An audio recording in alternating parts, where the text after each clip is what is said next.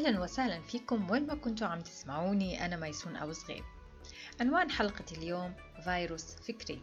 شو يعني فيروس فكري؟ إحنا كنا بنعرف إنه الفيروس هو عامل مسبب للمرض أو هو سم بروتيني قد يؤدي إدخاله حتى ولو كان آه، لخلية أكبر منه ببلايين المرات إلى قتل هذه الخلية. وهذا بينطبق كذلك على الأفكار.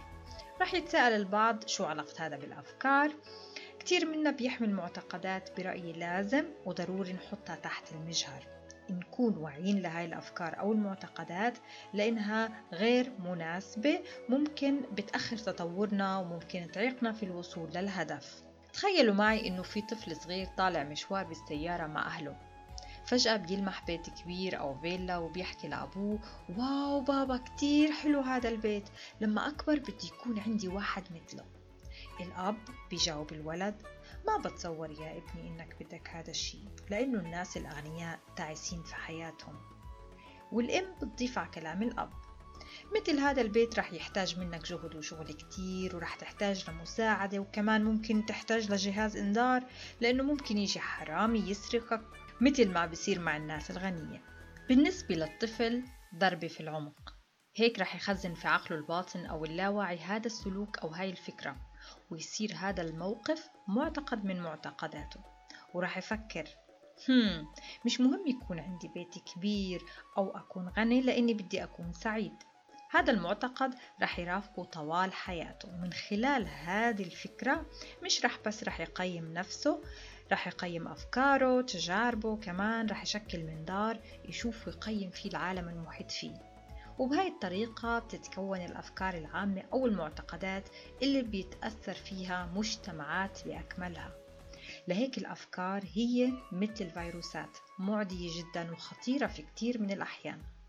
وفي كتير معتقدات بنحملها لازم إعادة تسليط الضوء عليها في كافة المجالات ومناحي الحياة.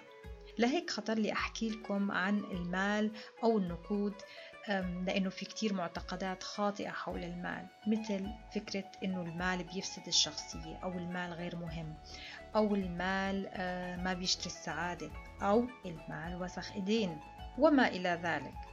طيب خلينا نسأل بعض.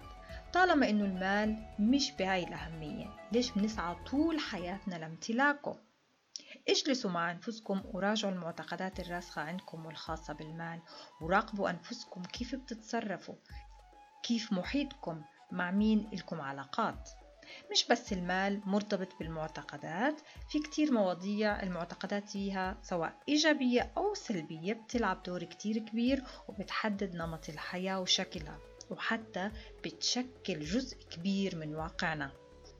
مثل المعتقدات حول المرأة الدين السياسة التعليم وكل مناحي الحياة التانية وكل المعتقدات أو الأفكار اللي بنتبناها من الطفولة حتى نموت هي اللي بتتحكم بآلية رؤيتنا للأمور وتعاملنا معها. وبيتم تناقلها من جيل إلى جيل. يعني أنا كأم بورث أفكار كتير عندي لأولادي أو الأب كمان. وهذا التأثير الجمعي بيأثر كمان على اللاوعي عنا وعلى تركيزنا على إنتاج أفكارنا ومشاعرنا وطريقة تعاملنا مع أي شيء في الحياة. وبالتالي له دور كتير كبير على النتائج الحالية أو على وضعنا الحالي. فإذا كنت بوضع سيء راجع أفكارك راجع معتقداتك راجع علاقاتك تأمل البيئة المحيطة فيك لأنه صدقوني المعتقدات هي فلتر الواقع وكتير ناس حكوا عن هذا الموضوع.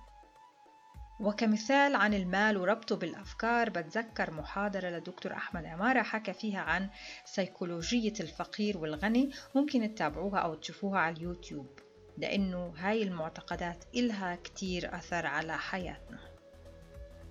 بتمنى تكون حلقة اليوم ألهمتكم بأفكار جديدة لحتى تطوروا حياتكم وتطوروا أنفسكم. شكرا على الاستماع وإلى اللقاء.